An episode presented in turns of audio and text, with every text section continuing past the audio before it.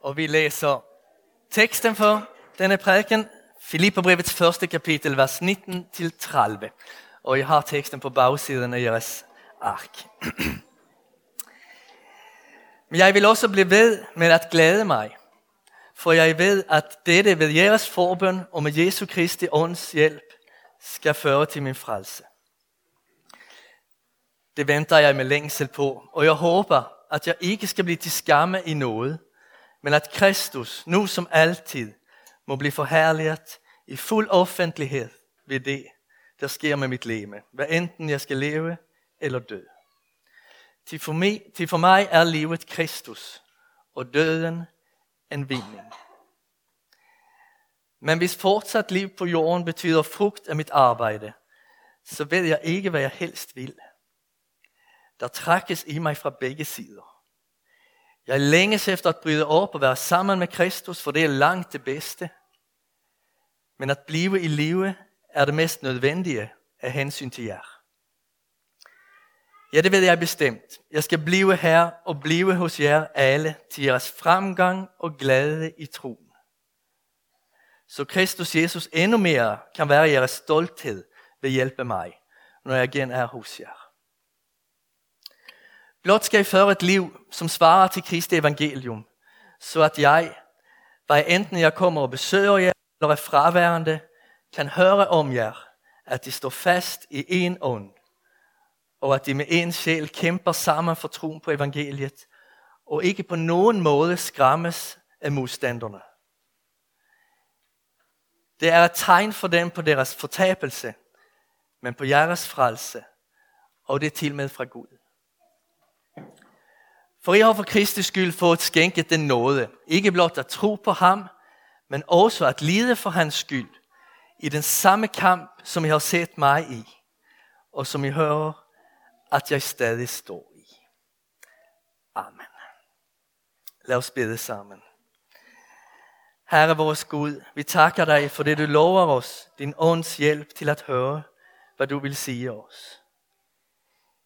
Vi beder om den, og vi beder om, at ordet må bære frugt i vores liv. Lad denne gudstjeneste blive til fremgang og glæde i troen, og til forrøde stolthed over Kristus. Amen.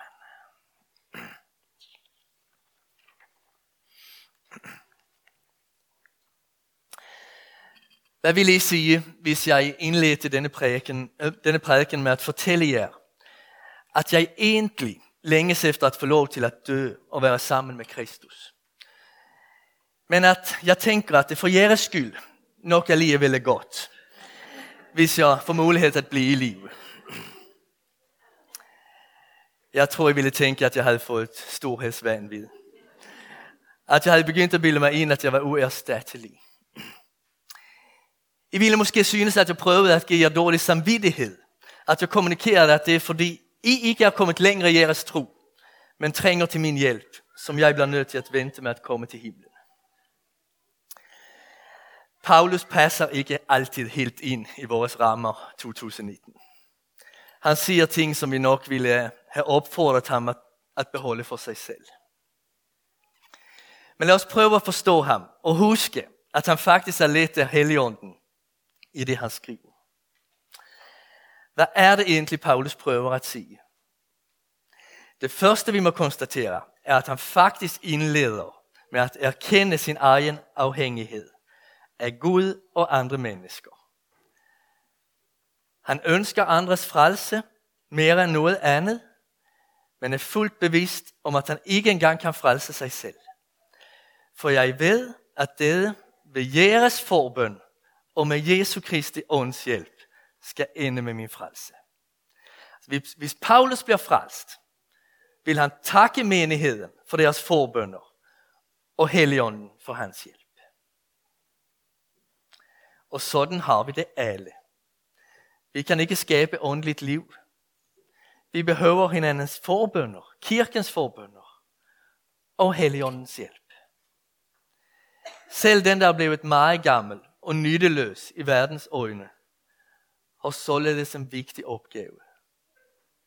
Så længe et menneske kan bede, er det i hvert fald ikke overflødigt. Ved kirkens forbønder og Helligåndens hjælp er Paulus tro vokset og blevet til en bundsolid tillid til Kristus. Nu kan han sige, at for ham er livet Kristus. Jeg tror, det lyder lidt fanatisk i vores ører. Når vi hører folk sige, at det er helt vilde med Jesus, eller at alt i livet for dem handler om Kristus, kan vi måske ikke lade være med at hvile lidt og tænke, at det der er typisk overordentligt. Men hvad handler livet ellers om? Jeg tænkte over det, når jeg hørte en fodboldsupporter fortælle om sit liv. Han levede virkelig for det hold, han fulgte. Ikke nok med, at han så alle deres kampe, så ofte han kunne, gik han også til deres træning. Når sønnen fyldte år, måtte konen og drengen komme over til stadion. Så sat, så sat det der på tilskuertribunen og spiste lavkage. For den mand var, det, var livet dette fodboldhold. Det var det, der virkelig betød noget, og som altid blev prioriteret først af alt. Som en tidligere præst i denne kirke sagde, for mig er livet Brøndby. Nej, det gjorde han ikke, Peter. Det ved jeg godt. han var meget mere helliggjort end så. Ja. Det er han stadigvæk. Ja. I efteråret var der et radioprogram i Sverige, hvor man diskuterede dødsannonser. Baggrunden var, at en kvinde havde ønsket at have en støvsuger som billede på sin annonce. Og det havde hendes pårørende accepteret. Det konstaterades, at det ønsker, som mange har om sin dødsannonce, ikke længere er, at den skal sige noget om, hvad det satte sit håb til. Men at det skal sige noget om dem selv, om hvordan det ønsker at blive husket. Jeg elskede heste. Jeg elskede håndbold. Jeg elskede at spille guitar. Jeg var rigtig god til rengøring. Jeg var engageret i Røde Kors. Et menneske sekulariseres ikke af ridning, rengøring eller musik. Det sekulariseres heller ikke at lægge hundredvis af timer på at lære et computerprogram, udvikle sig til en god arbejdsleder, bygge et hus eller at studere Shakespeare samlede værker. Nej, sekularisering opstår, når vi lever vores liv, eller et område af vores liv, adskilt fra fællesskabet med Gud. Når vi lever det uden at spørge efter hans tanker, og uden et ønske om at han skal blive æret. Sommetider møder vi taknemmelige mennesker, der siger, jeg er sund og rask, har et godt arbejde og skylder ikke nogen noget. Så er det herligt at leve. Det har det selvfølgelig ret i. Det er herligt at leve under de omstændigheder. Og alligevel må vi kristne tilføje, at intet af det er det egentlige. Selve gaven at virkelig sige tak for, er i sidste ende Kristus selv. Vi tager imod ham som selve livet. Han flytter ind i vores hjerter og sind med hans lys, hans kærlighed, hans mod, visdom og usvigelige venskab. Når livet bliver Kristus for os, kan vi begynde at forstå fortsættelsen i det, Paulus skriver. Og døden en vinding. Døden er en vinding, for det Kristus har brudt dets brød.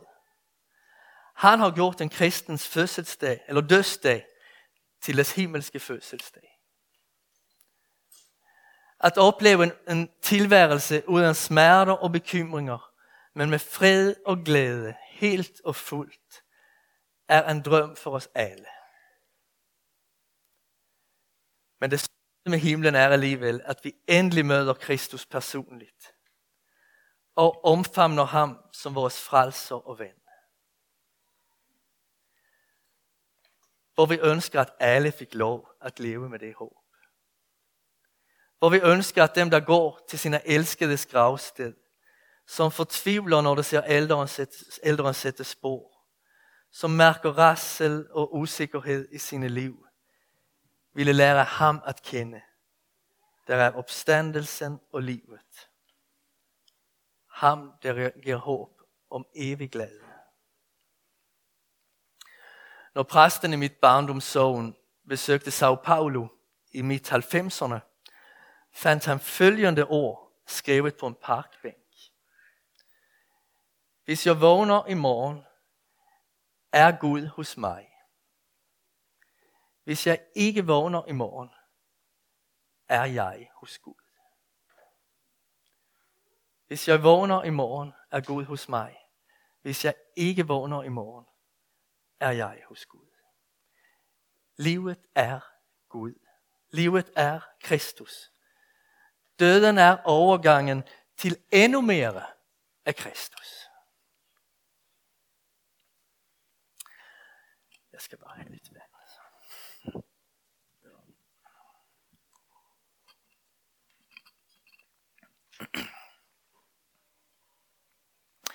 Så fortsætter Paulus med at beskrive en oplevelse, vi alle kender.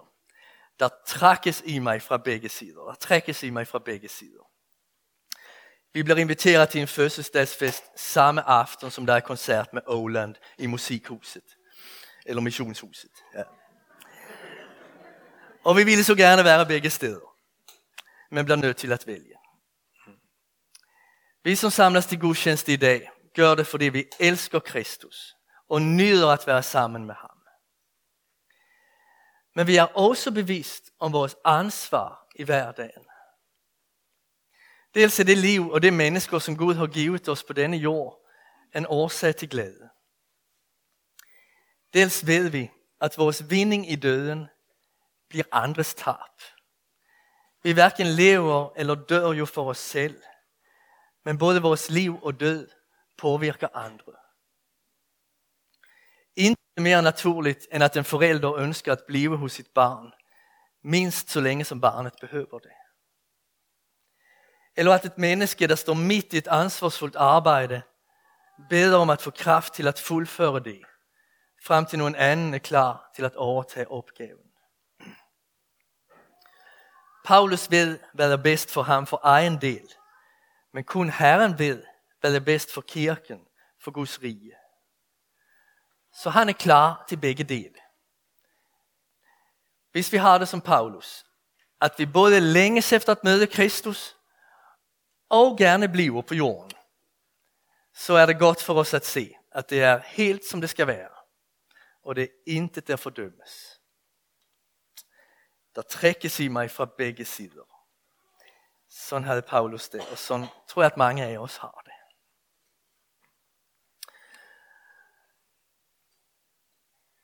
Hvordan ville det så gå for Paulus? Han er faktisk ret sikker på, at han vil slippe fri fra fængslet og fortsætte sin gerning for evangeliet. Og den gerning vil han udføre tro fast. Han vil ikke blive til skamme. Jo, for en mennesker må han gerne blive til skamme. Det er han ret ligeglad med.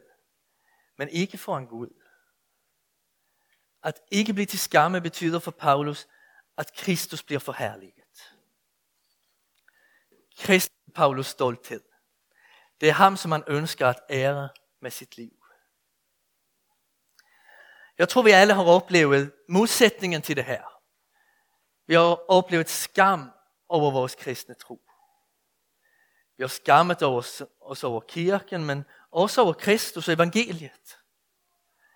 Vi har kæmpet med tvivl, eller været i sammenhæng, hvor det simpelthen har føltes helt akavet at være kristen.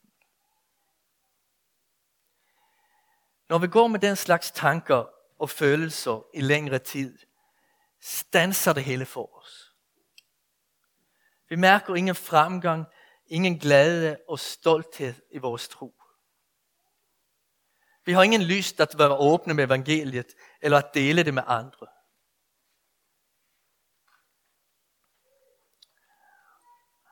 Paulus ved, hvad menigheden har brug for, og hvad hans kald er. Fremgang, glæde og stolthed i troen. Når Kristus bliver livet for menigheden, når han bliver deres glæde og stolthed, befrias det til at være åbne med sin tro.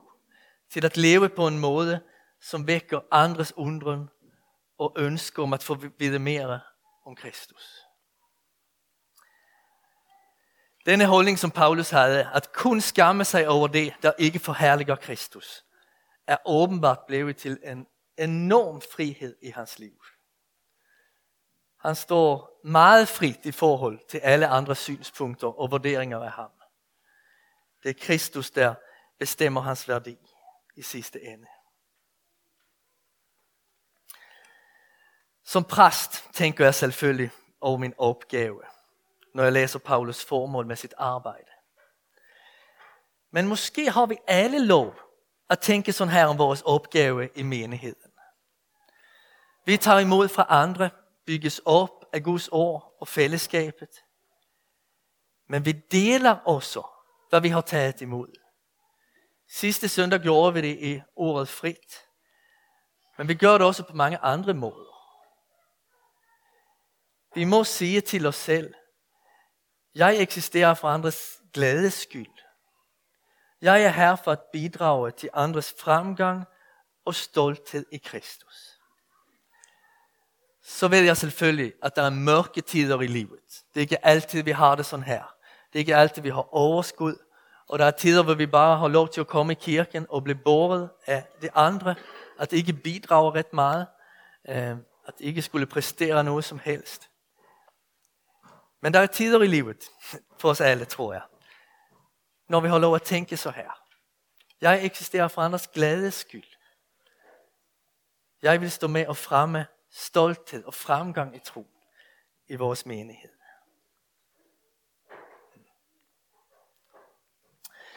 Så langt om den første længere del af dagens tekstafsnit. Den anden del er en opfordring til at føre et liv i menigheden, som svarer til evangeliet. Det lyder meget ambitiøst. Paulus forklarer, hvad det indebærer ved at beskrive et udholdende fællesskab. Et fællesskab, man vælger, og som man bliver i. I et fællesskab, der svarer til evangeliet, står man i en ånd, side om side, forenet i Guds nåde og sandhed. Det betyder, at man afværger angreb inde fra menigheden, tendenser til falsk lære og, og splittelse. Og det betyder, at man afværger angreb udefra, fra modstandere. Jeg nøjes i dag med at uddybe et aspekt af dette liv, der svarer til evangeliet. Nemlig det, Paulus skriver om troens og lidelsens gave. I Paulus verden betyder lidelse og forfølgelse modsætningen til at noget er gået galt. For i ham, for I har for Kristi skyld fået skænket den nåde, ikke blot at tro på ham, men også at lide for hans skyld i den samme kamp, som I har set mig i, og som I nu hører, at jeg stadig står i. Det lyder måske lidt mærkeligt at tale om lidelsen som en nåde. Men noget af det kender vi fra vores hverdag. At forsvare den, der bliver mobbet, eller at sige fra, når der bliver talt foragtfuldt om nogen, er selvfølgelig ikke sjovt. Men det kan alligevel føles som en nåde. En glæde at få lov at forsvare godheden. Så der har vi en lille genkendelse af det. Vi kan godt forstå, at, at lide for noget, der er godt. Jamen der er en nåde i det, en glæde i det faktisk. Og det er denne oplevelse, Paulus har i lidelsen for Kristus. Og som han opfordrer os som menighed til at dele. Vi henter kraft hos Jesus for at holde ud og til at forblive trofaste mod ham. Men vi minder os også om sammenhænget. Det sammenhæng, som lidelsen er sat ind i.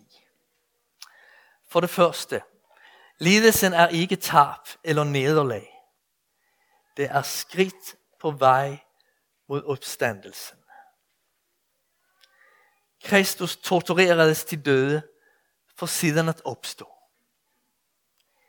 Vi lider for Kristi skyld for siden at opstå. Lidelsen minner os om opstandelsen. Vi kan sige, vi kan lide nu, jeg lider nu, ligesom Kristus gjorde, for at en dag opstå ligesom Kristus gjorde. Så Paulus kunne glæde sig i lidelsen. for så mindede han sig om, jeg skal en dag opstå. Det er noget at få lov at se tingene ud fra det perspektiv. For det andet, lidelsen er et tegn for verden. Når lidelsen ikke formår at forbitre os, men i stedet for fører os mod modenhed og fordybet kærlighed til Kristus, gives verden et vidnesbørd byrd om evangeliets kraft. Evangeliet er stærkere end bitterheden.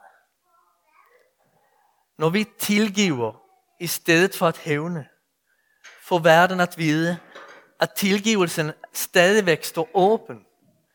At der er en anden lov end hævnens lov.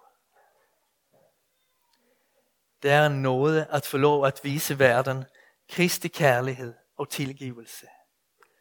Modgiften mod bitterhed og hævn. For det tredje, lidelsens formål er andres glæde. Paulus står i en kamp for Kristus. En kamp for at det glade budskab om frelsen i ham skal nå ud i verden. Det koster tid og engagement og fængselsstraf at lede mennesker ind i nådens rigdom. Men der er intet større i denne verden, end at se et menneske tage imod Kristus i sit liv.